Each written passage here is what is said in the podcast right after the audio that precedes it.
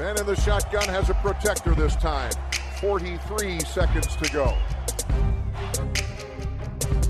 He scrambles around, throws it back corner of the end zone. Santonio with a touchdown! I don't know how he did it! What a throw! What a catch! What a game! No, Mike 43, call 57. That suffocate him! Make him miserable all game long! Get us the ball back! You could love him or hate him, but he was Brad. Hej, du lyssnar på veckans NFL som presenteras i samarbete med GameDay.se med Mattias, Lasse och Rickard som vanligt. Eh, när säsongen 2020, i alla fall grundsäsongen, är över och vi har våra 14 slutspelslag klara. Men vi börjar med trevligheterna. Hur är läget med dig Lasse? Eh, det är skitbra faktiskt. Eh, jag hade helt missat att det var sån här, vi spelade in tisdag. Jag missat att det var röd dag här på onsdag. Så eh, jag fick så här stress hämta en öl faktiskt och dricka den sådär snabbt så det nästan rann ur ögonen på mig för att jag liksom inte kunde inte bearbeta kolsyran liksom för att komma ikapp att det, det är ju som fredag här idag så, så det är kanonbra. Sen är det ju sån här, eh, jag är ju barnsligt förtjust i, i eh, när- CNN har eh, sån här, King har kartor och sånt för valet. Det är ju senatorval i Georgia här i, i natt. Så eh, jag kunde dricka en snabb öl och kolla på lite kartplacering här innan sändning. Så att, eh, ja, det är på topp. En öl och ett par interaktiva eh, kartor så är Lasse nöjd. Ja, faktiskt. Jag ska vara nöjd med det Det är lilla. som när. NFL slänger in Ja. Det är som när NFL slänger in en extra så här, torsdagsmatch eller något att man får ett sånt här spännande senatorval nu också som man kan se fram emot. Ja, det är fantastiskt. Hur är det med Rickard? Eh, det, det är bra med mig. Jag börjar inte jobba först på torsdag så jag, är, jag, jag har haft ledigt nästan alldeles för länge. Eh, så det är skönt. Men eh, det är bra. Synd med eh, Raiders eh, avslut, eller de vann sista matchen på säsongen. Så det är ändå så här, det är alltid, jag tycker alltid det är bittert i slutet av NFL-säsongen. Dels att Raiders inte ska spela mer, för det gör de ju tyvärr aldrig. Eh, och att man börjar så här, eh, redan blicka mot framtiden, vilket är kul, men kanske inte så här tre dagar efter att säsongen har tagit slut. Ja just det, det skulle jag flika in Så Jag hade redan glömt att uh, Cowboys hade, kunde avgöra där och, och inte gjorde det. Så att, nej, nej, det är skit i. Det är senatorval. Ja.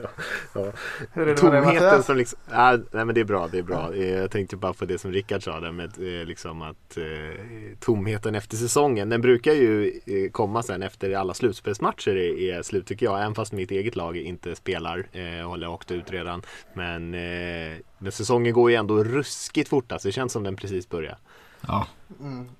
Var Trots man alltid lite, säger så. lite ödmjukt det var där. Ditt lag är alltid in i det sista i slutspelet. Ja, i slutspelet för det mesta. Ja. Eh, jag har haft lite, lite flyt på senaste år får man så säga. Mm, Oerhört frustrerad över att eh, min farsa som har svagt NFL-intresse, men kollar lite matcher ibland, har ju Seattle som favoritlag för att de har så fin hamn.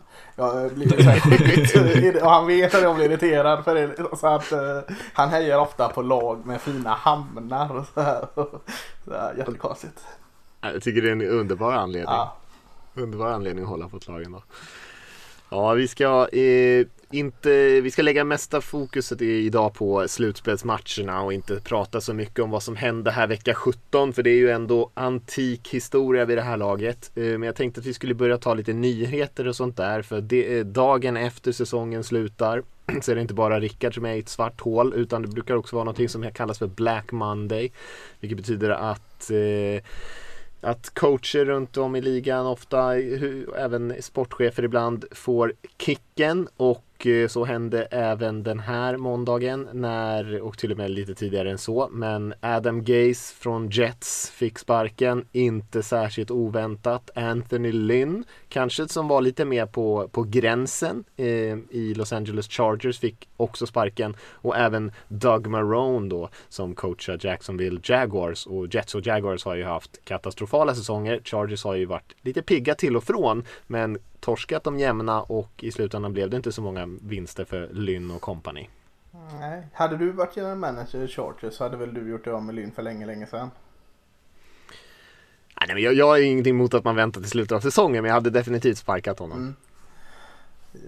Ja, men det kändes väl som de två eh, givna. Eh, med Marone och eh, Gates där fick, eh, fick lämna över sina coachuppdrag. Det var väl de som var liksom. Ja.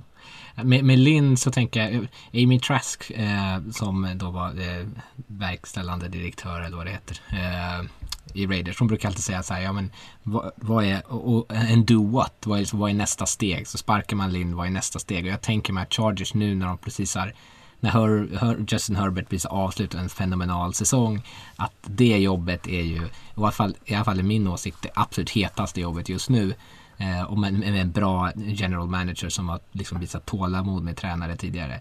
Att så här, ja men nu har ju vi en chans kanske att vara det mest attraktiva jobbet och verkligen kunna locka åt oss den absolut bästa tränaren. Så, så på så sätt är det ju rätt smart att välja att gå vidare nu istället för att kanske skjuta det ett år och så kanske det inte längre ser lika bra ut. Eh, om det nu skulle göra det, det vet jag inte. Nej, det ligger något i det. Ja, och vi har ju Falcons, Lions, Texans sen innan som också är, är lediga jobb. Chargers som du säger där, jag tycker det rusar upp till toppen såklart av den mest attraktiva jobben. Det finns ju många duktiga spelare och också duktiga spelare som inte ens spelar den här säsongen för Chargers.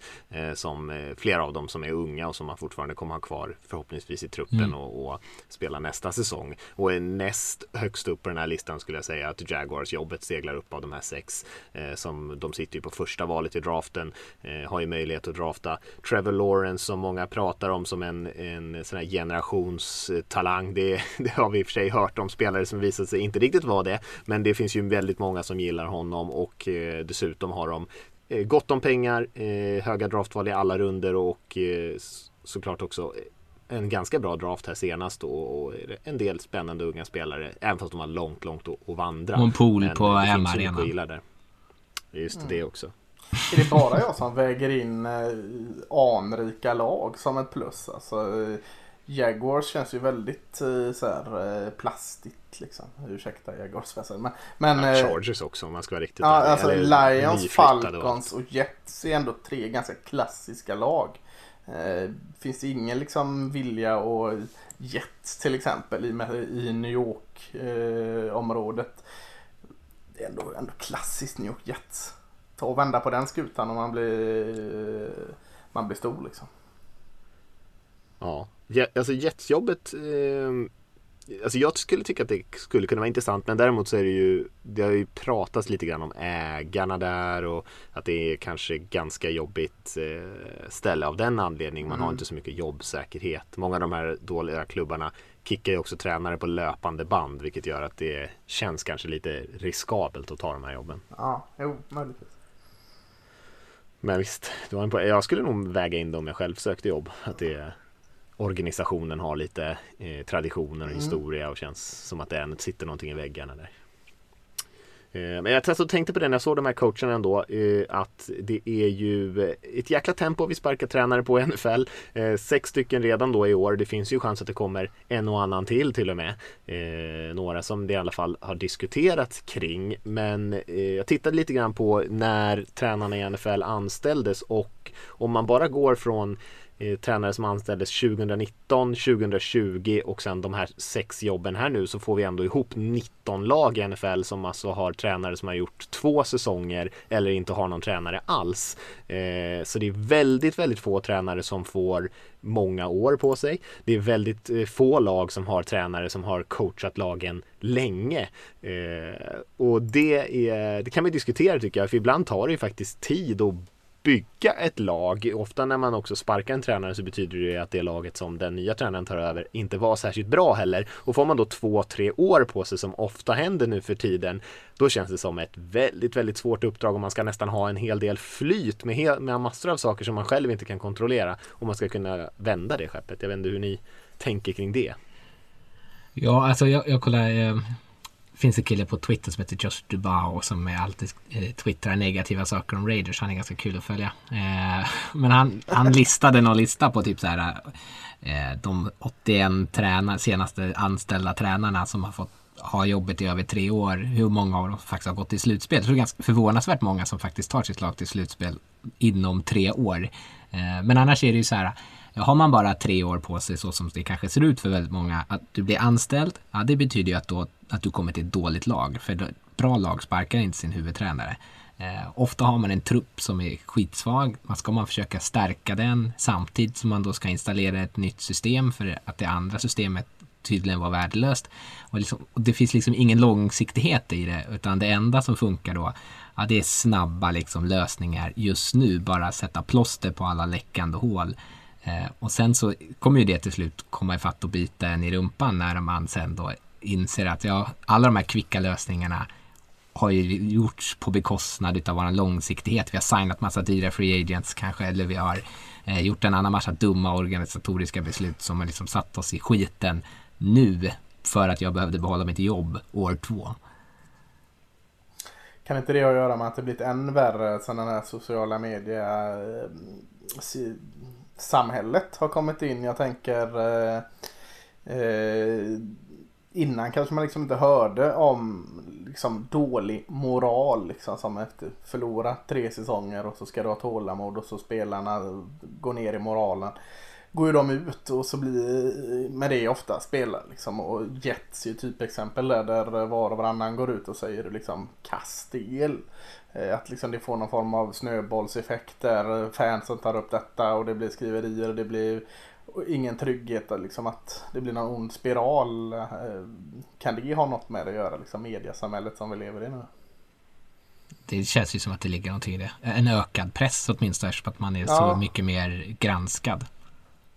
Jag säger att det kanske var, var, lika liksom, illa innan i omklädningsrummen bland spelarna. Jag säger inte att spelarna nödvändigtvis har blivit, haft kortare tålamod men eh, liksom att det inte blev de här stormen kring det. Liksom. Det stannade lite mer i omklädningsrummet eller eh, i träningsanläggningen.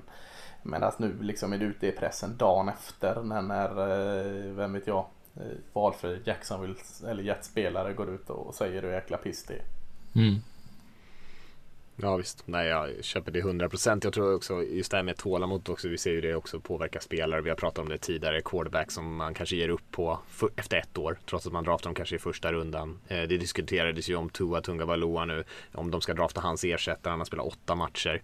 Eh, och det, för mig är det fullkomligt absurt eh, ibland diskussionen hur snabbt det ska gå. Och eh, bara för att en spelare är bra sitt första år som vi har sett quarterbacks som har varit sensationer sina första år. Jag tänker på Robert Griffin III, eh, många andra quarterbacks som har varit jätte, jättebra sitt, sitt första eller tidigt i sin karriär och sen visar sig, nej de var inte så bra. Eh, det var någonting de hade som var unikt, svårt att förbereda sig mot och, och allt sånt där. Och sen så höll det liksom inte riktigt i sig. Eh, så det kan ju också vara ett, det kan vara tecken på alla möjliga saker. Men eh, det, det, går, det, går så väldigt fort nu för tiden. Mm. Eh, och det hänger säkert ihop med det som du säger Lasse där. Det är så mycket bevakning på ligan, eh, så många blixtanalyser. Men nu hamnade vi lite, lite vid sidan om det vi skulle prata om här. Men det, men det är ändå en intressant diskussion när man ser hur många som får sparken varje, varje år. För det är ju en stor andel om man sparkar 6-7 tränare per år i ligan. Då blir det ett par stycken. Eh, vi kan ju också nämna då att det är ett par lag som söker en ny sportchef också och jag skulle nog säga att sportchefsjobbet, att få en bra person där är precis lika viktigt som att få till en bra huvudtränare. Eh, och där har vi också Falcons, Panthers, Lions, Texans, Jaguars och även Broncos nu då när eh, John Elway där säger att han ska anställa en sportchef och ta ett steg kanske lite uppåt i organisationen men kanske inte lika mycket på det day to day där med, med värvningar och eh, scouting och allt sånt där som han hållit på med tidigare. Mm. Jag försökte kolla igenom de här namnen. Eh, så Lions hade en jäkla lista. Louis Riddick är i på en ISBN. Eh, såg jag hade de inne på eh, och intervjuat va? Mm. Mm. De hade även Thomas Dimitrov som man, det var i år han fick foten från Falcons. Ja. Så de, de tyckte jag var den mest intressanta och längsta listan av general manager. Det är bra en lång lista. Ja, lång lista är fint. Eh, men eh, där brukar det poppa upp ett par liksom Tränare är ju liksom allt som oftast tränare då, även om de varit koordinatorer. Men just på den här sportchefen i general manager-rollen är det ganska roligt att kolla igenom, kanske inte namnen, men vad som står bakom dem, vad de har liksom, var de kommer ifrån. Det är inte alltid liksom den rakaste vägen.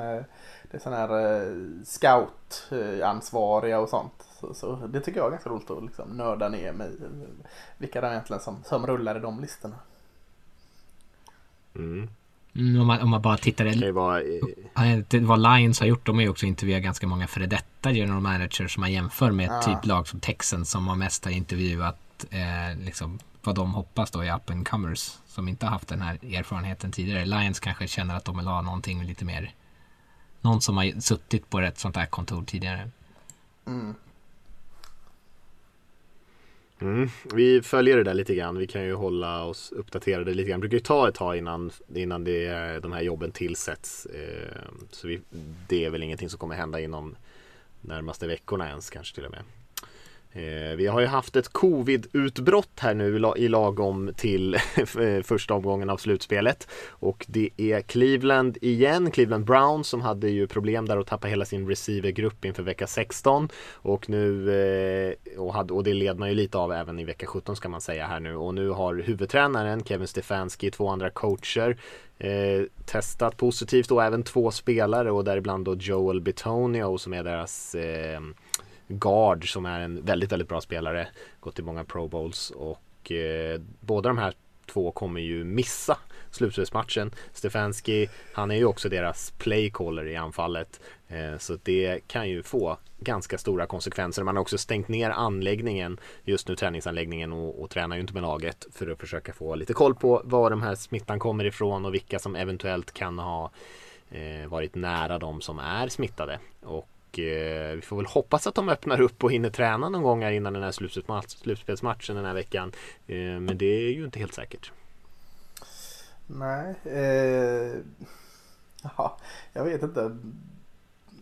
Det ska ju komma in på den matchen senare här men, men eh, ja, det blir lite omvända roller. Steelers det stod över massa spelare och nu får Browns stå över massa spelare. Ofrivilligt så glädjer massa. De får stå över huvudtränaren och vilket är nog så viktigt. Så ja, tråkigt såklart men, men det är ju liksom en röd tråd genom hela säsongen så att jag vet inte.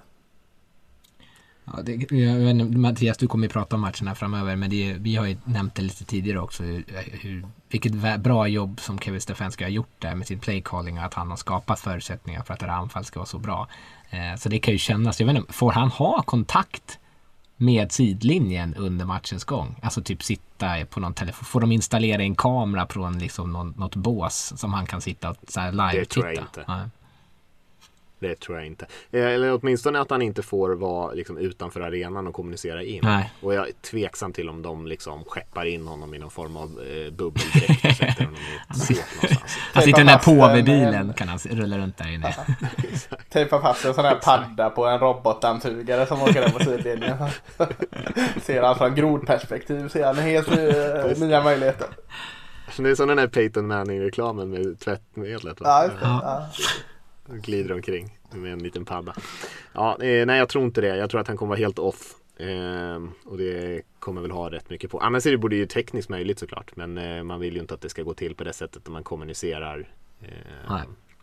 I alla fall utanför arenan. Och jag tror att de här protokollen säkert är skrivna så att man inte får följa med till matchen. Utan man är liksom avstängd. Eh, men jag kan ha fel. Vi får se helt enkelt. Men jag, jag tror inte det.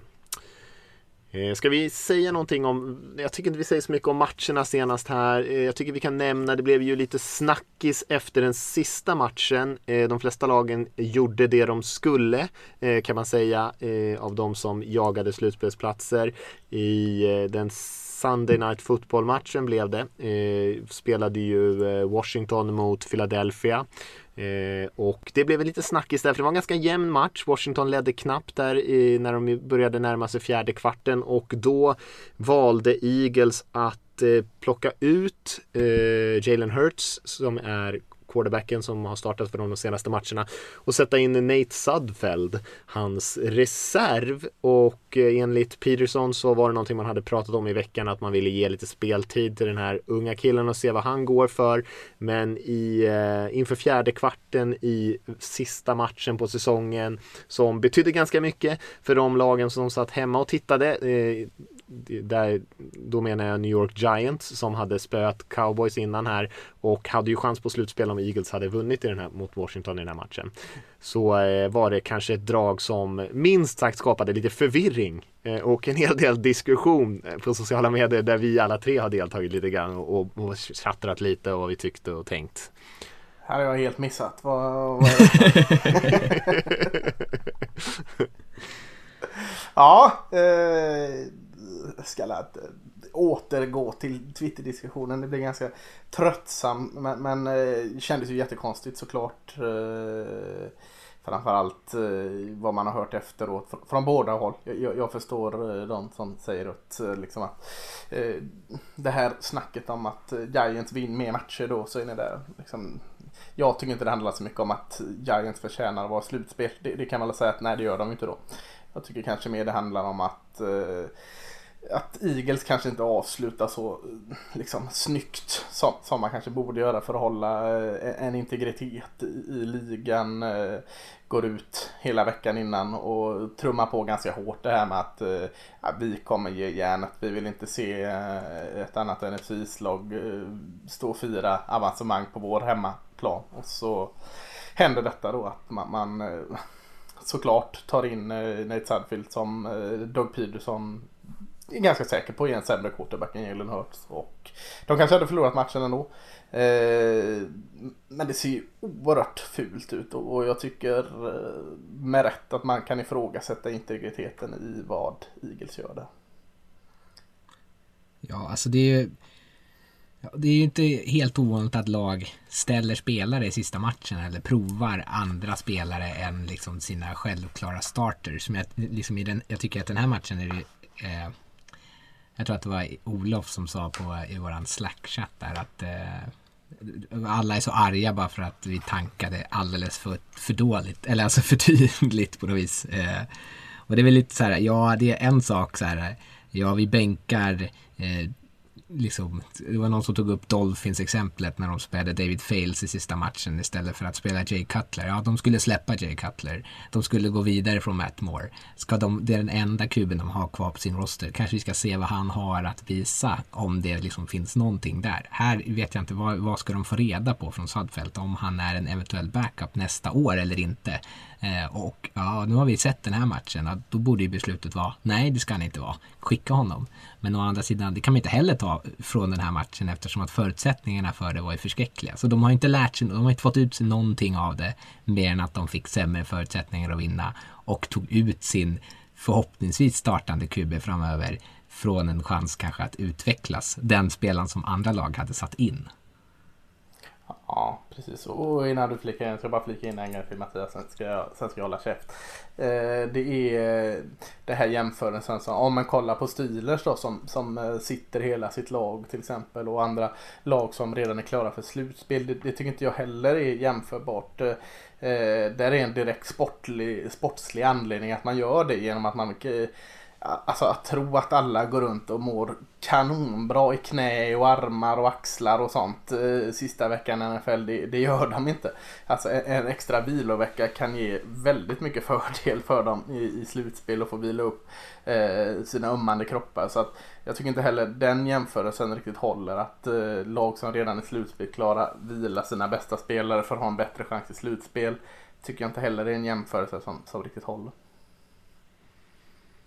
Nej, jag håller med. Eh, jag blev inte så här superprovocerad av det här som så många andra blev och var väl lite på andra sidan av diskussionen egentligen. Att det liksom inte kanske är Eagles skyldighet riktigt att se till att det här eh, sopiga Giants-laget ska ta sig till slutspel. För att Giants tycker jag inte har blivit berövade på någonting här. Men jag tycker kanske att det är lite tondövt av Philadelphia, minst sagt. Att man, man vet ju såklart att den här matchen, hade den spelat, den här matchen spelas 22-25, då tror jag knappt någon hade brytt sig. Men nu spelas den här matchen på prime time time. De vet att alla tittar. Giants-spelarna har säkert gått in i omklädningsrummet, letat upp en eh, storbilds-tv och sitter och tittar på den här matchen.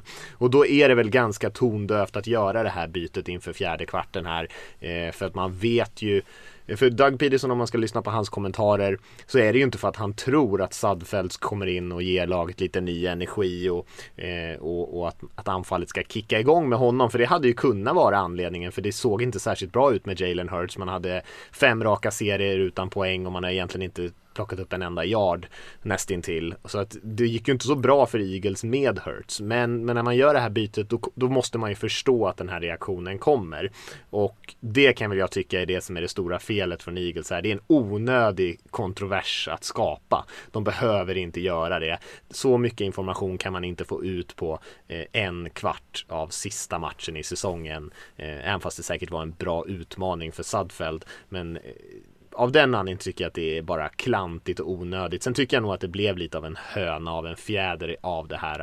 Eh, och att det kanske blev lite väl mycket diskussion just för, och jag tycker ändå det är viktigt eh, att Giants bara har sex vinster. För mig är det viktigt. Hade de haft tio vinster eh, så hade det varit en annan sak. Eh, vinner man sex matcher och missar slutspelet för att ett lag ja, inte gör sitt bästa för att vinna i den här sista matchen. Jag tror inte att de lägger matchen med flit och förlorar med flit, det tror jag inte. Eh, jag tror de hoppas på att Sadfeld ska spela bra när han kommer in. Men däremot så gör de kanske inte sitt absolut bästa för att vinna den, vilket är provocerande det också såklart. Men jag tänker att Eh, vill man inte hamna i det läget att ett lag gör så, då får man lov att vinna mer än sex matcher om man ska spela slutspel. Och man, jag tycker inte man har någon rätt eller argument att liksom klaga på att man inte kom in av den anledningen. För att man ska inte spela slutspel på sex matcher. Eh, men ja, man kan säga samma sak Rickard, du sa det här med att ja, Washington då, har de varit så mycket bättre? Nej, kanske inte. Men det föll deras väg den här gången. Eh, och det är ju lite som det är. Men, men jag förstår att man blir provocerad av det. Mm. Nej, jag tycker absolut inte att det är så orättvist för Giants. Det, det bryr jag mig också väldigt lite om. Alltså, Giants var inte bra nog i år. Liksom. Washington var möjligtvis heller inte bra nog men det räckte ändå. Så att jag tycker mest det är den här integritetsgrejen som, som, som sticker lite illa för mig.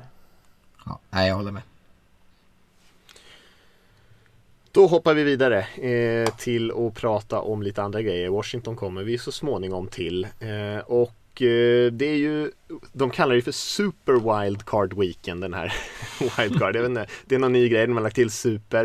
Eh, de Alltid inte bra att, de... att lägga till Super. Ja, det låter ju så mycket coolare då. Mega Jag tyckte att Wildcard Weekend lät rätt ganska bra, men tydligen inte tillräckligt coolt. Nej, och det är ju kanske för att de har lagt till en extra match va? Så det är ju det Spelas ju över lördagen och söndagen Det är ju tre matcher där på vardera dag eh, man, Jag tror man kan ganska tydligt säga att AFC är väl den konferensen som har de hetaste matcherna. Eh, och det var faktiskt till och med 40 år sedan alla slutspelslag i en konferens hade minst 11 vinster. Och då är det ändå fler slutspelslag nu än, än vad det någonsin har varit. Eh, så en, de har ju, eh, de topplagen i AFC, toppen i AFC har ju varit väldigt, väldigt bra i år. Eh, det är tre av de här lagen som har gått vidare till slutspel som aldrig har vunnit Super Bowl.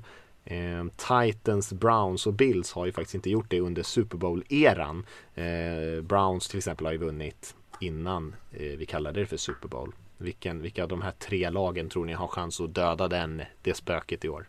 Titans. Bills. Jag skulle nog säga Bills också. Browns eh, sätter jag nog nummer tre i alla fall. Bills vinner ju aldrig Super Bowl. Det är ju liksom, det, de kan vara hur bra som helst. Det är ju ändå det här finalspöket. Jag, jag, jag är inte vidskeplig men jag lägger all min tro i att det, ligger, det är vid liv. Att eh, det spelar ingen roll hur bra de är. Liksom. Blixten kommer sätta till 11 gubbar samtidigt eller någonting om de är uppe. Eh, det går inte för dem att vinna helt enkelt. De kan möta fotbollteam där och eh, leda med 30-0 i tredje kvarten kommer på något sätt bli en finalförlust ändå. Det skulle ju vara något ändå. Ja, jag hoppas att alla Bildsupportrar äh, njuter av min anti-jinx här nu. Att,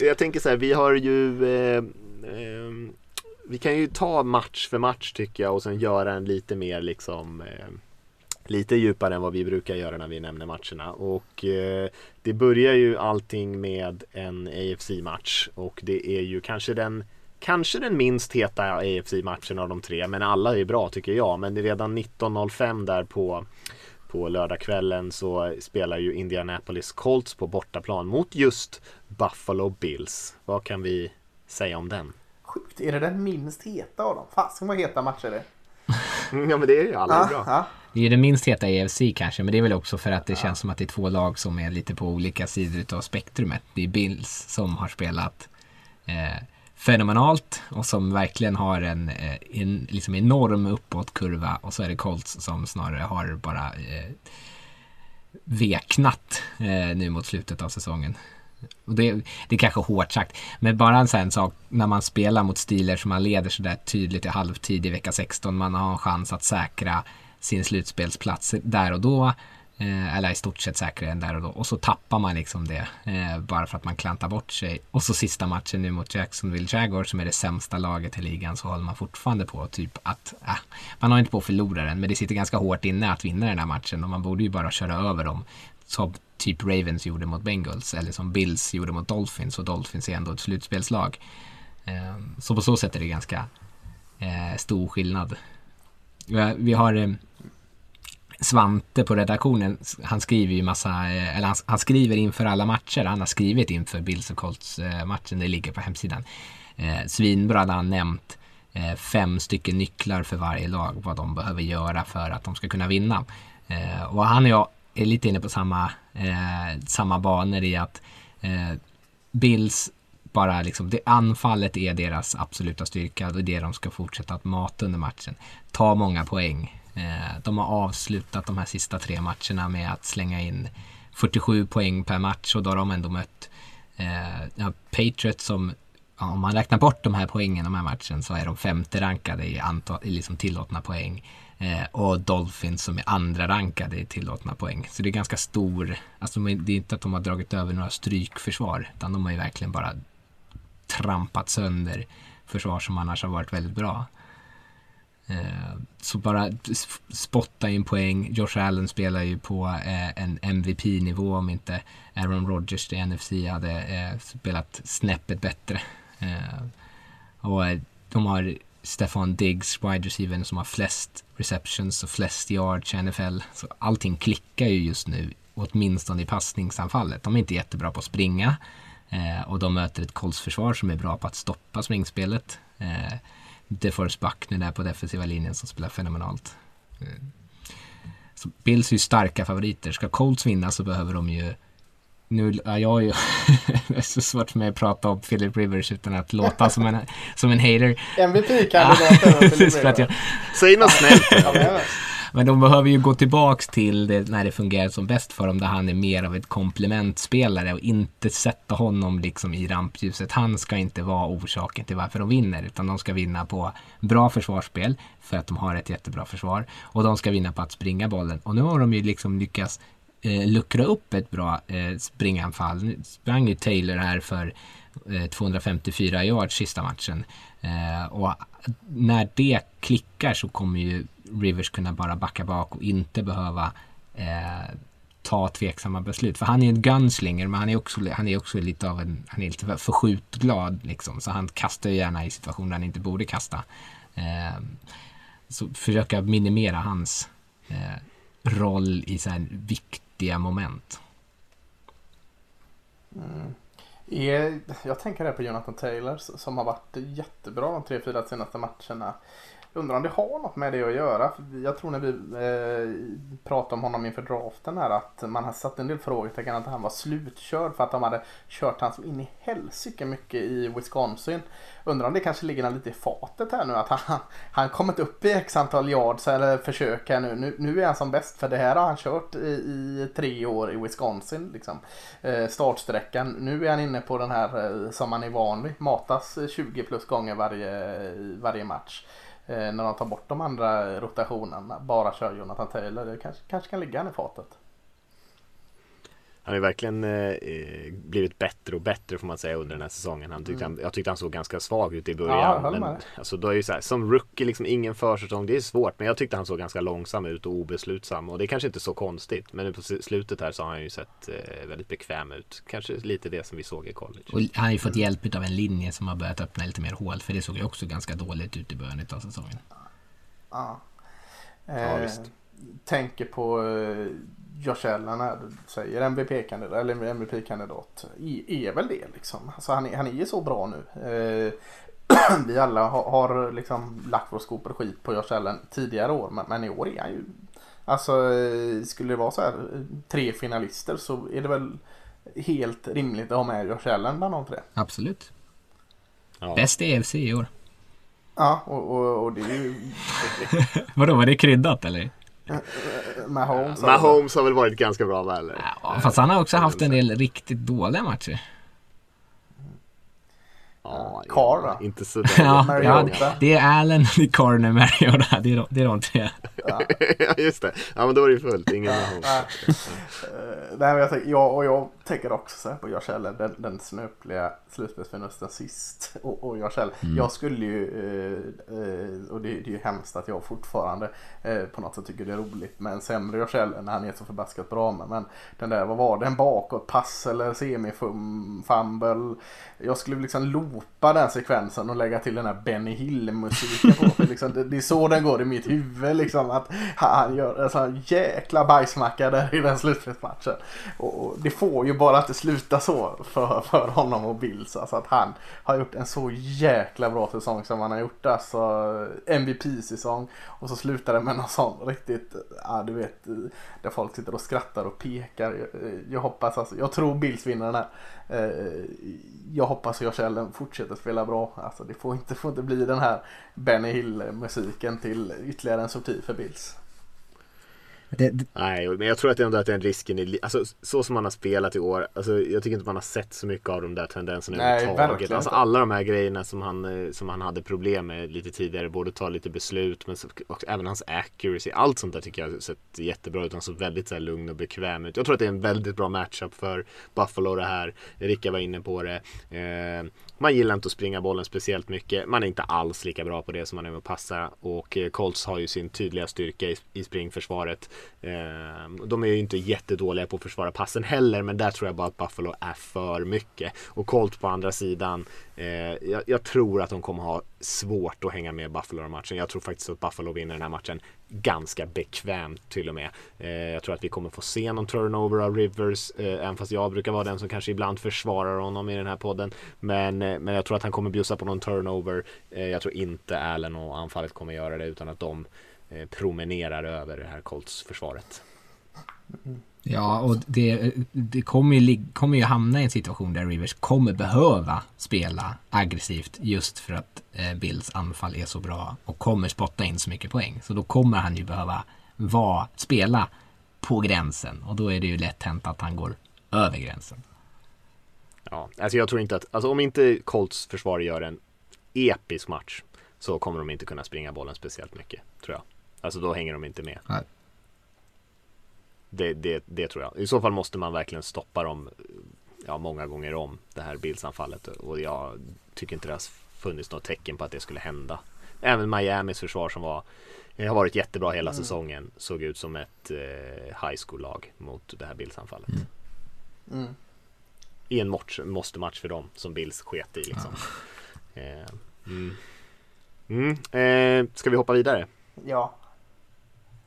Vi kan eh, prata om 22.40 matchen där spelas också på lördagskvällen. Då är det ju Los Angeles Rams mot Seattle Seahawks i Seattle. Eh, divisionsrivaler så de har ju mötts två gånger redan, vunnit varsin. Men den senaste var ju här redan vecka 16 eller nyligen vecka 16 när eh, Goff faktiskt skadade den tummen som han fortfarande har problem med och eh, det var ju lite senare i matchen men eh, påverkade ju ändå slutet på den och sen dess har det ju varit lite tufft för han har ju varit borta och eh, spelade inte vecka 17 och det är väldigt osäkert om han kommer kunna spela den här matchen också. Man kommer ju försöka ge det en chans har man sagt. Eh, men eh, citaten därifrån är väl egentligen att det jag har sett är att det kommer bli svårt. Det kommer bli svårt att få honom redo till den här matchen. Eh, och det är klart att det påverkar ganska mycket. Man spelade ju med John Wolford eh, senaste matchen här och han gjorde ju ett helt okej okay jobb mot Cardinals men samtidigt hela Rams anfall eh, lyckades bara spotta in 18 poäng. Eh, man kan ju tänka sig att, att Cardinals gick in med en gameplan för att stoppa deras springspel ganska rejält. Cam Akers sprang ju bollen över 20 gånger, snittade 1,6 yard per försök. Eh, så det är klart att då kanske det fanns lite luckor för passningsspelet som, som Wolford kommer, kunde utnyttja. Eh, men det är ju klart att det är ett, ett rejält steg ner från Goff, även fast Goff inte har varit jättebra den här säsongen. Så tycker jag i alla fall. Blake Bortles va? Kommer in, han är backup-QB bakom Wolford kommer in och får... Det skulle vara kul att se honom ja, faktiskt. Han är ju lite gunslinger. Ja. Det, det var ju han som sa också att han, att han hade aldrig riktigt lärt sig hur man kastar ordentligt. När han hade spelat typ fem säsonger i NFL. För att han är vänsterhänt och kastar med höger. Ja just det, just det. det, är det, också, det är också hysteriskt kul. ja. att, det, att man kommer så långt då. Det är ändå bra naturlig talang på det, får man säga. Verkligen. Uh, jag tänker på, jag säga, om man ska börja lite med, med Sioux försvar mot Rams anfall som vi varit inne lite på lite här. Jag tycker så här, största förändringen i den här matchen är väl egentligen att att eh, Seahawks försvar har blivit bättre eh, ju längre säsongen har gått här. Man, man hade ju en garbage time touchdown här mot 49ers i senaste matchen. Då kommer de upp på 23 poäng med den eh, och det är det mesta antal poäng som Seahawks har tillåtit här de senaste åtta matcherna. Eh, nu har man ju mött ganska dåligt motstånd men man har även mött Cardinals, man har mött Rams två gånger om och liksom hållit de anfallen till relativt lite poäng. Så att det här försvaret som var kanske ett av de absolut sämsta i ligan första halvan har ju åtminstone tagit upp någonstans, tagit sig upp någonstans till, till mitten av ligan tycker jag. Och möter man Wolford här, och ett Rams-anfall som har haft det lite tufft, så känner jag i alla fall mig som Seahawks-supporter lite mer trygg med att de kommer inte bara kunna slänga in 30 poäng i den här matchen. Jag tror att det kommer bli ganska tufft för dem. Jag tror att eh, det kommer säkert bli någon turnover för Wolford igen om han är den som startar. Eh, I Goff starter eh, så kanske det blir lite tuffare om han är, är pigg och så eh, och då blir det en helt annan match. Så det blir ju en en, en supernyckel i den här matchen. På andra sidan är väl där Rams har chans att vinna den här matchen tycker jag. Eh, försvaret såklart är ju jättebra i Rams. Eh, jag tänker att det som Si också gärna gör i sitt anfall Särskilt nu här när man har sina running backs tillbaka och börjar spela lite mer konservativt. Det är att springa bollen mycket och, och kasta djupa passningar.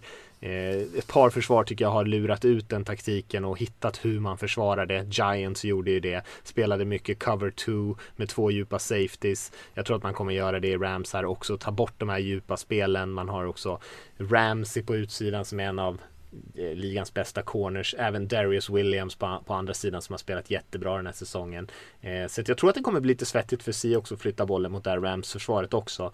Eh, och Aaron Donald och gänget i mitten där kommer nog stänga ner springspelet jäkligt bra också.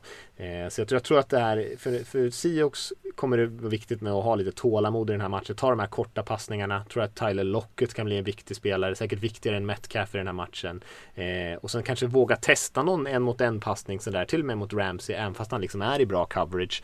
Eh, men jag tror att det kommer bli en jämn match. Jag tror inte på något sätt att Seahawks kommer skåpa ut det här Rams-laget. Inte ens om de startar sin backup i den här matchen. Seahawks spelar väl alltid jämna matcher? ja, det också. Eh, men eh, lite intressant med just Rams offensiv tycker jag. Alltså, nu är ju eh, Whitworth eh, borta och, och visserligen inte i det slaget han var för tio år sedan kan man nästan säga. Han är ju så gammal så det finns inte. Men, men eh, att bli av med den liksom, kuggen som man har haft som left tackle det, det hände ju ganska länge sedan så det är ju inte nytt. Men det och att man inte har Jared Goff där. Det känns liksom som två oerhört viktiga ingredienser eh, saknas här. Och, och eh, då spelar det kanske inte så jättemycket roll att man har en spännande liksom Receiverkombinationer receiver-kombinationer här med, med Woods och Reynolds och Van Jefferson och allt vad det är. Och, och kanske har någonting att ge med, med springspelet utan det måste ju kännas liksom för Siox kan man liksom peta med pinnen i det såret lite även att de eh, inte kanske är det laget som har den bästa pass rushen så kanske man liksom kan få ut något av det när eh, en allt annat än rutinerad QB står där och en, en note boom left tackle som inte heller har all rutin i världen. Eh, då kanske man kan få ut någonting av det och fortfarande eh, spela sitt typ av försvarsspel. Så att, ja, det känns ändå som det är lite uppförsbacke för, för Rams här tycker jag. Ja, och det är klart att det är det. liksom, saknar man sin QB så är, är ju uppförsbacken oftast ganska brant. Eh, och även från Wolford gjorde eh, en, eh, inte en bra insats, men ändå eh, han kan ändå Godkänd. vara okej okay, nöjd med eh, vad han gjorde. Eh, men alltså, han såg ju rätt stressad ut många gånger. Lite svårt att förstå vad det var han såg eh, kan Seahawks få lite press på honom. Skicka Jamal Adams för lite tokiga vinklar och håll. Köra lite cornerblitzer eller vad som helst där han, där han liksom inte alls uppfattar vad som händer. Då kommer man ju verkligen kunna skaka om honom och, och nästan effektivt ta död på passanfallet så länge han ska stå där bak.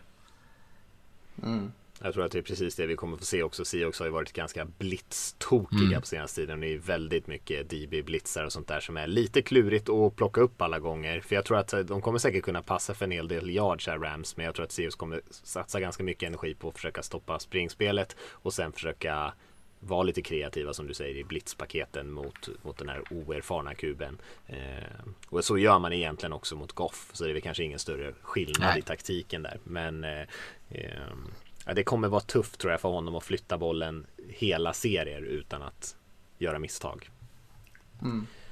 Eh, vi får se där lite grann. Väldigt viktigt såklart för eh, Rams del där om Goff startar eller inte. Vi har ju eh, nattmatchen där i, eh, på lördagen är ju NFC. Då är det Tampa Bay Buccaneers som åker och spelar hos eh, divisionsvinnarna Washington Football Team eh, på prime time. Vad tror ni om det? Ja, på förhand känns det ju inte jättespännande. Det är ju såklart att eh, Tampa Bay är favorit här. Eh, men det finns ändå en del liksom, kul eh, saker att liksom, se fram emot i matchen. Vi har två, kanske de två bästa defensiva försvararna i varsitt lag. Safety Anthony Winfield i Tampa och edge rushen Chase Young i Washington. Eh, kommer, Chase Young kanske kommer ställas mot en av de bästa offensiva rookiesarna i, i, år i Tristan Wirfs, tacken där, right tacken.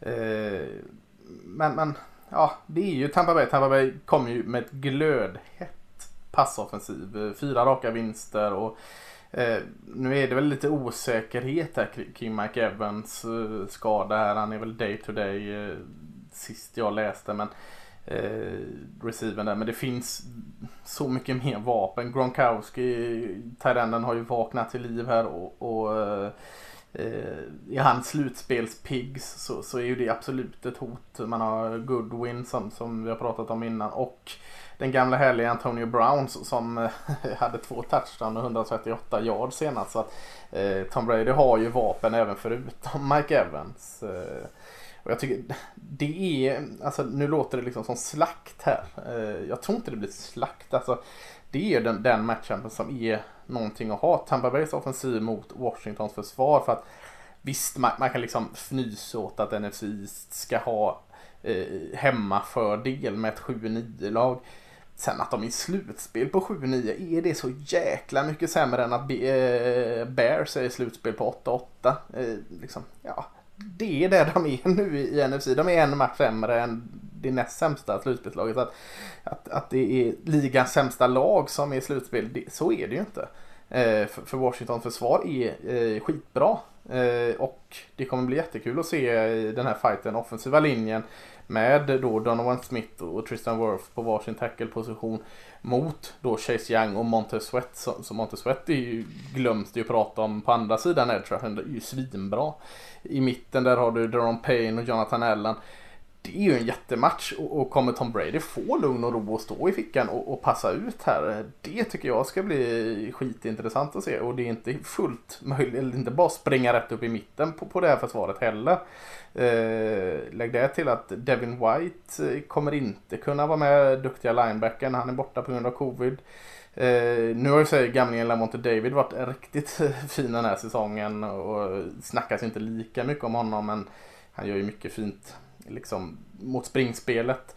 Eh, framförallt som eh, Tampa varit bra mot. Men jag tycker det är en match eh, i Tampas glödheta passoffensiv mot, mot ändå Washington som har ett riktigt bra försvar.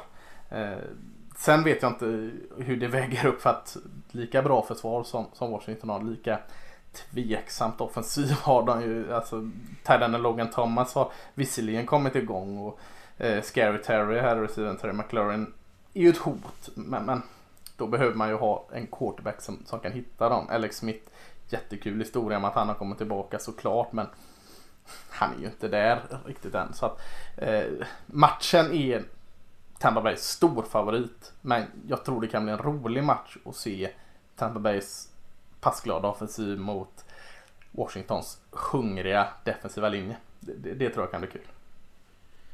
Ja, jag håller med och alltså, Tampa Bay har ju varit väldigt upp och ner den här säsongen. Tom Brady har en, ett gäng interceptions, ett gäng turnover till sitt konto. Han har också massa touchdowns och, och offensiva yards men, men ganska mycket misstag och eh, Tampa Bay, om man ska vara riktigt ärlig, har ju gått igenom eh, eh mestadels eh, apsopiga försvar på vägen till den här slutspelsplatsen och när de har mött bra försvar så har de haft det ganska tufft. De hade det tufft mot Bears, de hade det tufft mot Rams, eh, de torskar båda matcherna mot Saints och det är ju inte ett jättebra försvar men i, i alla fall den ena av de matcherna så spelade det ganska bra mot det här Tampa-anfallet. Så att, eh, att tro att det inte går att komma åt Tampa Bay eller att Eh, de utan några problem ska slänga upp 30-40 poäng mot det här Washington-laget. Det, det, tror jag absolut inte.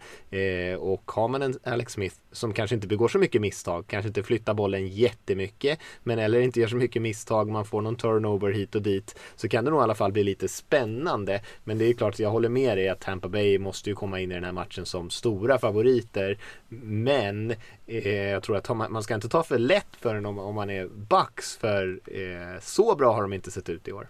Nej. Alltså, om det är något lag som Washington liksom pass, det, det, åtminstone deras försvar passar bra att möta så är det ju verkligen eh, Tampa Bay och, och, Tom Brady är att liksom kunna skaka om honom med en rush på bara fyra spelare.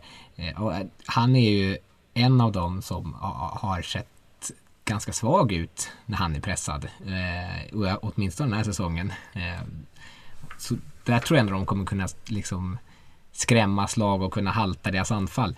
Sen kommer det liksom funka i 60 minuter. Det är väl, alltså, Bucks kommer behöva göra 17 poäng och så, det räcker för att vinna. så länge de inte, har, ja, så länge de inte har, liksom, tillåter Washington att göra en defensiv touchdown. Det är liksom det enda. Alltså, två touchdown och en feed goal, sen är matchen klar. Så det är bara att ta knä resten av matchen i sånt fall och sen panta och låta Washingtons sopiga anfall slå ut sig självt. Ehm, så det är väl Hotet det. känns ju, känns ju större att, att Washingtons försvar ska forcera fumbles mm. och springa in till touchdown eller eh, stressa fram pick six än att eh, deras anfall ska sätta upp poäng på brädan. Ja. Ja, och Tampa Bay har ju eh, mestadels i de här matcherna man inte har klickat så bra spelat i alla fall en bra halvlek. Och eh, en bra halvlek kanske räcker ja. mot det här Washington-laget. Så det är väl en bra poäng där Rickard om att det är ju Det är klart att de kan säkert störa Tampa Bay men kan de störa Tampa Bay en hel match? Eh, det är väl det stora frågetecknet. Men eh, jag tror att det kan bli lite spännande spel, lite misstag, lite grisigt och sen att Tampa Bay kanske ändå vinner i slutändan. Men att det blir lite motstånd ändå. Jag får hoppas på regn och, och skitväder i huvudstaden. Eh, här. Det, det, det ligger eh, fotbollsteam i fatet. Faktiskt. Eh, ska vi hoppa till eh, söndagen? Då har vi en, oh, en höjdare tycker jag. Oh, det är den bästa matchen enligt mig. AFC som börjar 19.05 med Baltimore Ravens som spelar på bortaplan mot Tennessee Titans. De här två lagen möttes ju i slutspel förra året. Ja, eh, och det är väl sån en av de här matcherna som man verkligen eh, minns, eller åtminstone så jag, så jag som verkligen minns. Eh, och Titans som man då var lite av den här eh, Askungesagan, hade precis slagit ut Patriots och alla älskade ju dem förstås. Eh, och Baltimore som var och Baltimore som var lika heta i fjol så som vi pratade om Bills nu att så här, men det går inte att stoppa dem det här anfallet och det, det, är ju alldeles för bra det här laget är så komplett eh, och så kommer Titans ändå in och bara trycker till dem Eh, Derrick Henry sprang för nästan 200 yards. Eh, Tannehill passade för 88, det behövdes inte mer än så. Eh, Och Ravens hade en del kostsamma turnovers. De gick ju mycket på fjärde försöket förra året, gjorde det i den här matchen också. Misslyckades i en del sådana här avgörande spel eh, som hade kanske svängt matchbilden totalt. Eh, och de möttes ju i år under grundsäsongen. Titans vann då också eh, på övertid. Henry sprang också bra, 133 yards, men då kunde ju också Tannehill å andra sidan kontra. Han passade för betydligt mer, eh, nästan 260 yards. Så Titans har ju liksom visat att ja, vi, kom, vi kan eh, liksom lösa eh, ert försvar både genom att springa på det och genom att passa på det. Eh, så de borde gå in i matchen med ganska högt självförtroende i att de kommer kunna lösa. Derek Henry sprang ju nu det här senast också för över 200, jag vet inte hur många år, så att han hamnar på 2000 för säsongen. Så han är ju i hög form. Eh, det känns som en väldigt eh, kul match. Två fysiska lag, två lag vars liksom springspel och, och framförallt fysiska springspel är, är identiteten. Att det, det liksom smäller, det är hårt, det är tufft. det känns som en sån här eh, knog boxningsmatch. Släng handskarna åt sidan så kör vi eh, lite. Eh, men eh, ja, Ravens kommer in i den här matchen med fem raka vinster. Men visserligen mött en, ganska, en, en del sopiga lag. Eh, men har ju verkligen sett övertygande ut. Eh, och jag håller nog ändå dem som favoriter. Jag tror att deras försvar eh, kommer kunna begränsa poängen lite från Titans. Eh, och jag tror att Titans försvar kommer ha väldigt stora problem att stoppa Ravens anfall. Eh, de springer för eh, fem, ett snitt på 5,5 yards per springförsök och det är bäst i ligan. Eh, så att de kommer nog kunna hitta sätt att ta sig förbi Jeffrey Simmons där på linjen, bland annat till Titans och lite annat. Så, jag tror att det är jag tror att Ravens kommer lösa det. känns som de har hittat sin identitet eh, lite i att vilka de är och vad det är som gör dem bra. Eh, sen när de förlorade, det var det ju det var en, flera matcher i rad där det kändes som att Patriots kanske visade att trösta, liksom, täpper vi till centralt eh, där är liksom, där ni helst springer, där Lamar helst lägger bollarna eh, och liksom tvingar er att spela ut mot era receivers som dessutom det är en ganska svag grupp receivers och Lamar är inte riktigt lika bekväm med att lägga ut bollen dit ut. Eh, då kan man ju kanske stoppa det här anfallet eh, till viss del. Men jag vet inte om jag tycker att Titans har de cornerbacksen att de ska kunna spela eh, den typen av fotboll. Så, alltså kunna kaxigt köra man-man på det sättet utan att riskera att bränna sig djupt. Man måste nästan chansa på något sånt va? ja, ja, de är ju sämst i vad de än gör nästan. Det, det, var kanske lite taskigt men, är, men de är ju, det här, det här Tennessee-försvaret är ju riktigt dåligt. Eh, Vilket är, är överraskande. Ju... Det var inte så länge sedan de var relativt bra. Nej. Nej, det är konstigt. Det känns ja. som att de har hyfsade spelare. Ja, kollar man spelare för spelare. Så. Ja. Mm. Ja, nej, jag tycker också det, jag tycker det känns som en riktig höjda match och eh, det som du säger, det är en så fysisk match. Eh, två lag som verkligen gillar att springa bollen, gillar att spela fysiskt, är superstarka i anfallet. Båda de här två lagen skulle jag säga. Ravens har ju ett ganska bra försvar, Titans har ju ett katastrofalt försvar, men Titans å andra sidan kanske är snäppet vassare anfallsmässigt. De är ju bättre på att passa bollen än vad Ravens är. Eh, och Ravens kanske är snäppet bättre på att springa bollen än vad Titans är. Eh, men Derek Henry är ju en faktor. Eh, även fast jag tycker att det ges alldeles, alldeles för lite cred till Ryan Tannehill och den fantastiska fotboll han har spelat nästan två år i sträck här nu. Eh, så är det ju ändå Derek Henry som jag tror många sitter och tänker på när de ska förbereda sig för den här matchen och hur man ska försvara Titans. Eh, så eh, jag håller också Baltimore som favorit i den här matchen just för att Titans försvar har gjort de så besvikna eh, flera gånger om här. Men man, man lyckas ju på något sätt ändå hänga med i de här matcherna som liksom blir så 35-38. Och man vinner i slutändan för att Tannehill verkar ha liksom lite is i ådrorna samtidigt som Derrick Henry eh, är omöjlig att stoppa i slutet på de här matcherna. Eh, men eh, jag tror att det blir för mycket mot det här Baltimore-laget. Jag tror att det, någonstans måste det ta stopp att man kan spela den här typen av shootouts hela tiden och, och, och lyckas vinna dem. Ja, på tal om eh, Henry här. Som passerade den här magiska 2000 yards eh, gränsen med, med sprungna yards. Han och CJ 2K eh, är väl Jag tror Titans Tennessee är det enda laget någonsin som nu har två running backs som har sprungit över 2000 yards. Här. eh. Ja, det måste ju vara det Ja, jag såg att han skickade ett grattis, eh, gamla Chris Johnson, till, till eh, Henry där. Så att, eh, det är imponerande. Ja, han är ju, Henry håller ju på att slänga ihop en, de här senaste åren här. En rätt otrolig, ett, ett rätt otroligt CV. Mm, verkligen. I en era där man passar bollen. Det är nästan, det är nästan Ja, ännu det är sjukare på något vis. Liksom. Det är sån throwback liksom att man kan knappt, det går inte att jämföra med siffrorna med modern fotboll i stort sett. Nej, nej, det är sjukt. Och då som du säger Mattias också med Tannehill som spelar jättebra. Och eh, med två bra receivers där i, i eh, Davis och Brown. Så plus det så att mäktigt, mäktig offensiv från Titans. Ja, jag tycker båda de här är... Alltså jag skulle sätta Tannehill om vi pratar om de tre topp quarterbacksen där så kanske jag skulle slänga in Deshaun Watson och sen är det ju Tannehill tycker jag som är den som rundar av den topp femmen av quarterbacksen i år. Ehm, och, eh, och det kanske man inte får höra sådär jätteofta. Det var nästan samma sak förra året tycker jag. Han var en topp fem quarterback då också. Ehm, och nu, jag tror att det, bara, det blir för tufft för, mot Baltimores anfall här för Tractus att hänga med. Men jag, inte på något sätt skriver jag av dem. Jag tror att det kommer bli, bli jämnt bara för att det är så oerhört svårt att stoppa Titans här.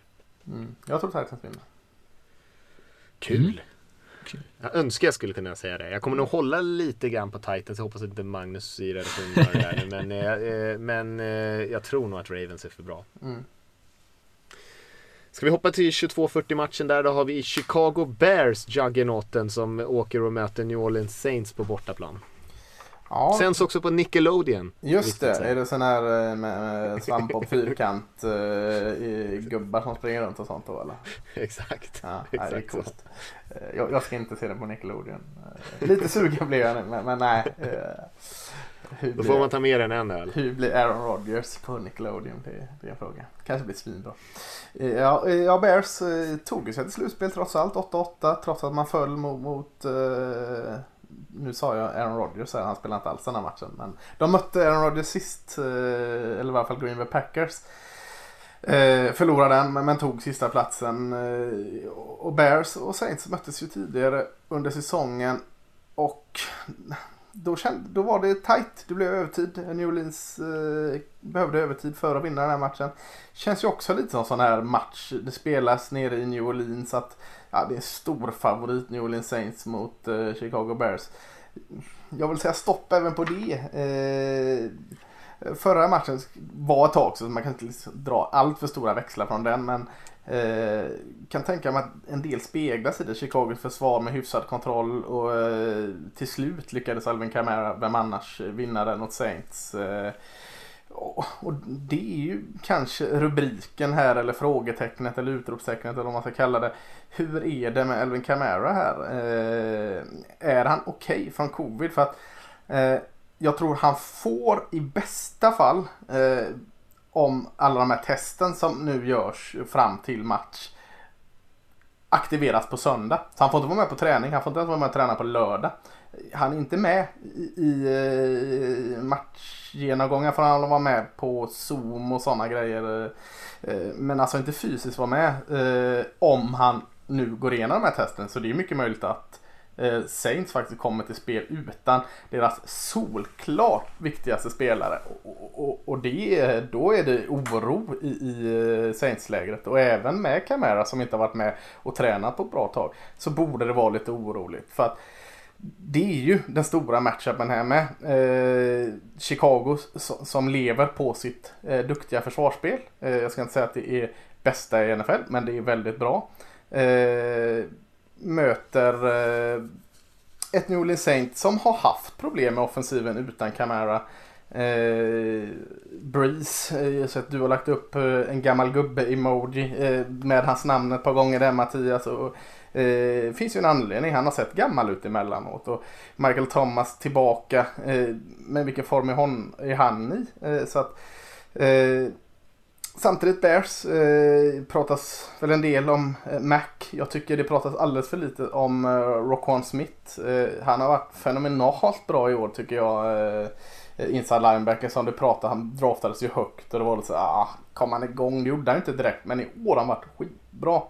Eh, senast mot Green Bay, inte mycket att säga men matchen innan där visserligen mot Jacksonville så Eh, drog han in med två picks till exempel eh, och han har totalt 17 tackles for loss den här säsongen. Så bra både mot pass och spring och kan han få styra där i försvaret och fortsätta spela så här bra ut så, så kan det bli en riktigt bra fight där. Eh, men om man ändå då ska liksom vinkla tillbaka fördel eh, New Orleans och vända på det helt så är ju Chicagos offensiv. Trubisky visserligen spelat upp sig en del men ja, det var ganska mycket han kunde liksom putsa på så han har en bit kvar att gå upp eh, trots att han har spelat upp sig. Och, och, du sa innan att New Orleans Saints kanske inte har det bästa försvaret i ligan där Mattias men, men ja, jag skulle säga att de har topp 15 försvar i ligan i alla fall, kanske topp 10 till och med.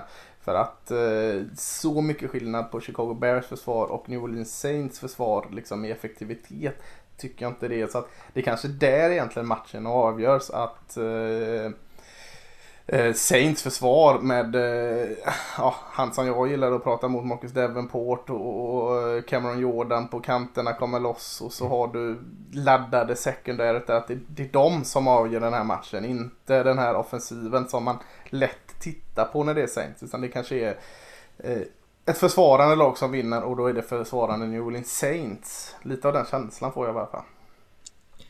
Ja, alltså Saints, jag skulle säga att det, det är en större, Saints pass rush mot Bears offensiva linje är en större mismatch till Saints fördel än vice versa. Jag tror att Saints ja. defensiva linje kommer att ha lekstuga och de har ju spelat fenomenalt. Du nämnde inte ens eh, eh, Trey Hendrickson. Eh, Nej, förlåt, han har varit jättefin. Eh, som, liksom, har ju lyxen att rotera ja, honom precis. ganska fint också. Ja.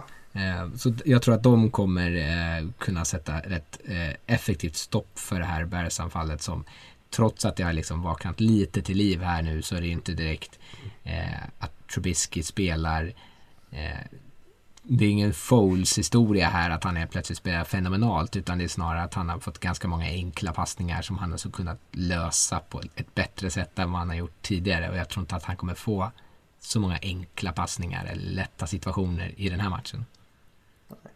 Det är ju för att deras springspel också har tuggats på med ja. väldigt stor effektivitet. Eh, och det, det, jag tror inte man kan räkna med det här. Nej, det är ju nog eh, det är, de är nog få de som är, luras med i, på Trubisky-tråget av de här senaste matcherna. Det är klart att han spelar bra och jag tycker så här, han har hela sin karriär haft alltså förmåga att spela bra i perioder och i vissa matcher och sånt där. Och jag menar det är inte så att han är helt utan talang. Eh, men, eh, men han är ju inte tillräckligt bra för att, att liksom ta Chicago förbi det här Saints-laget. Jag tycker så här, Saints också har ju, har ju med sin offensiva linje också ett, ett sätt ibland att kunna kontrollera matcherna även fast de möter ganska bra motstånd. Eh, som det här Chicago-försvaret kanske kan bjussa på. Men jag tror ändå att jag tror ändå att man kommer kunna spela kontrollerat med Breeze som vi pratade om mina gubb-emojis där. Jag menar, men jag tror att som han får tid, vilket jag tror att hans offensiva linje kommer ge honom, så kan han spela de här korta passningarna. Man förhoppningsvis får man igång lite springspel, eh, förhoppningsvis med Kamara och, och så, eh, så vinner man den här matchen ganska kontrollerat med, med sina korta passningar, sina screenspel med, som Sean Payton ritar upp och, och bara liksom eh, köra över ett, en sämre motståndare. För det, det, känns som en grej som Saints är ganska bra på. Eh, så jag tror att de vinner den här matchen. Jag såg att Vegas hade satt eh, Saints som 10 poängs favorit eller något sånt där. Vilket man inte ser sådär jätteofta i slutspelet. Nej, det är 10 poäng. Det är ju inte så jäkla mycket ändå. Alltså, får inte glömma nu att det är slutspel och som du säger 10 poäng låter mycket eh, för att vara slutspelsodds. Men eh, det kan mycket väl vara det någonstans. Men, men det jag säger är att det blir inte den här blowouten som folk pratar om för att eh, Ja, jag, jag tror eh, inte Saints offensiv kommer komma igång särskilt eh, bra eh, även med Camara Däremot så tror jag ingenting på Chicagos offensiv eh, mot det Saints-försvaret. Så att, eh, ja, de kanske vinner med 10 poäng då. Men, men eh, det är ju långt ifrån liksom en, en utklassning. Ja, nej, jag tror att det blir kanske lite lugnare tempo, kanske inte blir sådär superhöga siffror. Men jag tror lite mer på Saints eh, anfall än vad du gör tror jag. Ja. Så jag tror att de kommer kunna flytta in hyfsat i alla fall mot det här Bears anfallet, eller Bears försvaret.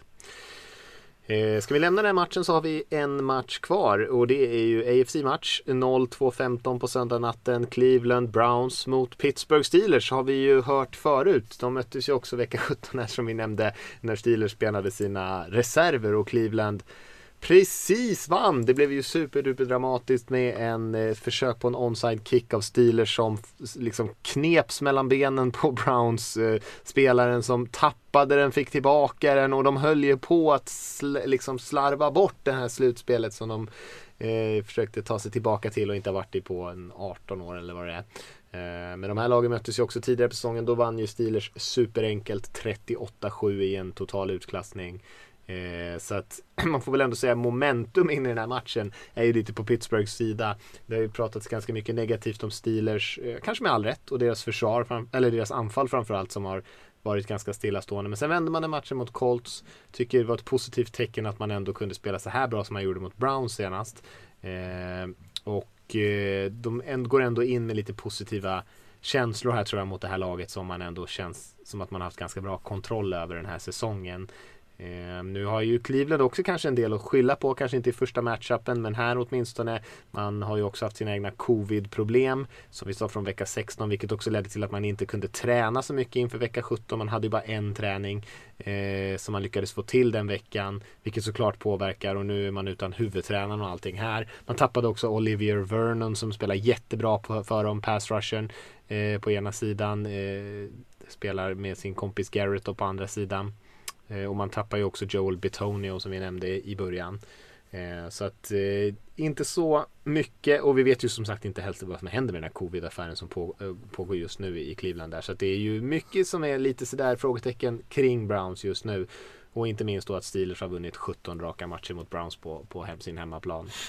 Ehm, så jag tror att det kommer bli ganska tufft för Cleveland här. Det känns inte som en superbra matchup för dem. Pittsburghs försvar är ju outstanding tycker jag. Eh, det bästa försvaret i ligan eh, egentligen utan konkurrens. Jag vet att det finns andra rent statistiskt som är i närheten av dem men jag tycker inte att det finns någon riktigt som konkurrerar med dem. Och eh, dras ju ner lite statistiskt av att deras anfall har varit så kass. Eh, men det är väl det sista försvaret man skulle vilja möta. Man är bra på allting, särskilt på defensiva linjen. Alla spelare är bra där och som de visade nu här senast också, till och med reserverna är bra.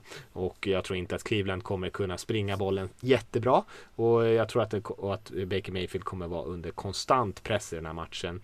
Och precis som några andra liknande quarterbacks. Jag gillar Baker Mayfield, alltid gjort. Tycker han är en bra spelare. Men han är ju lite av en gunslinger.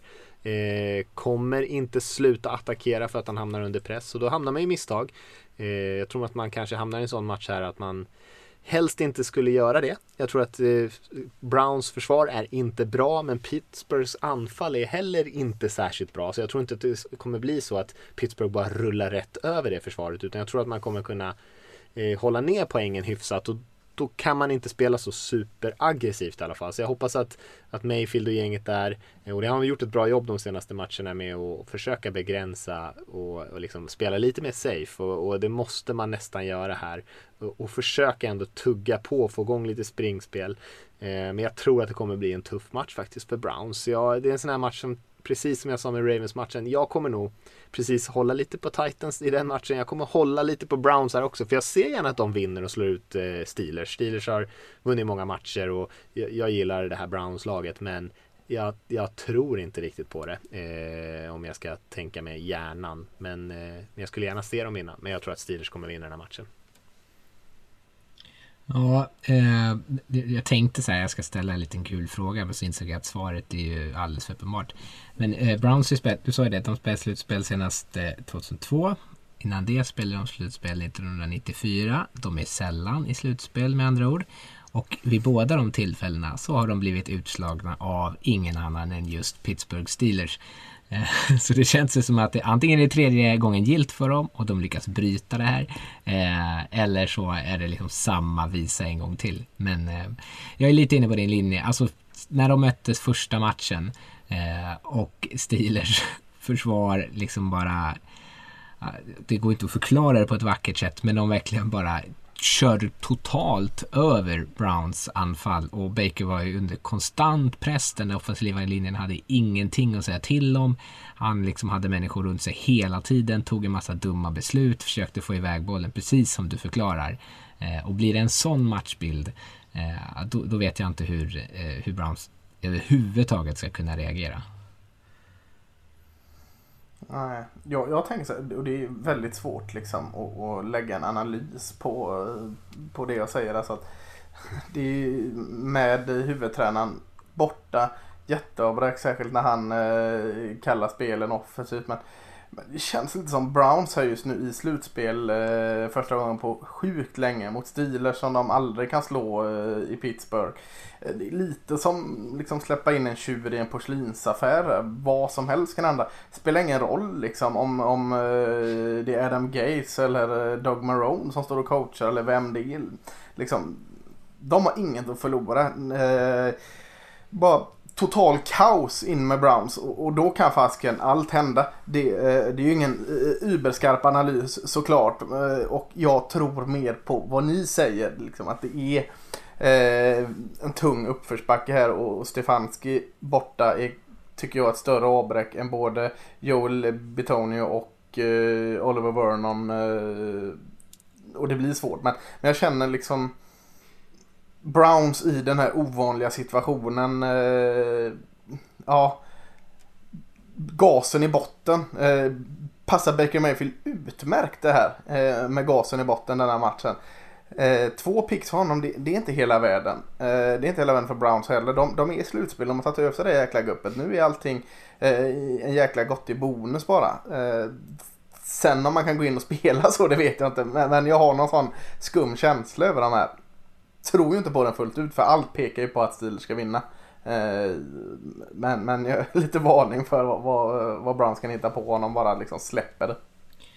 Deras anfall är ju så beroende utav, alltså, jag, jag, som sagt, jag, jag har ju hyllat Stefanski. Deras anfall är ju ja, så beroende utav eh, att de ska kunna så här, skima fram öppna spelare för Baker så att han liksom på sin första read har någon. Men kolla där, är, han är ju helt fri. Eh, liksom. Och det här Steelers-försvaret är, som Mattias är inne på, det är så pass bra att eh, det spelar ingen roll hur bra plan du har. För den, den kommer misslyckas, även inte riktigt så, men den kommer vara väldigt svår att förverkliga. Du behöver ha eh, spelare som kan liksom eh, överkomma eh, liksom underlägen som kan skapa någonting av ingenting. Eh, och jag har inte det förtroendet för Baker och jag har inte det förtroendet för eh, Browns anfall att de kommer kunna liksom skapa få en dålig situation till ett positivt spel. Utan jag tror att de är alldeles för beroende av att spelet ska funka från, liksom, från snap till mottagning eller från snap till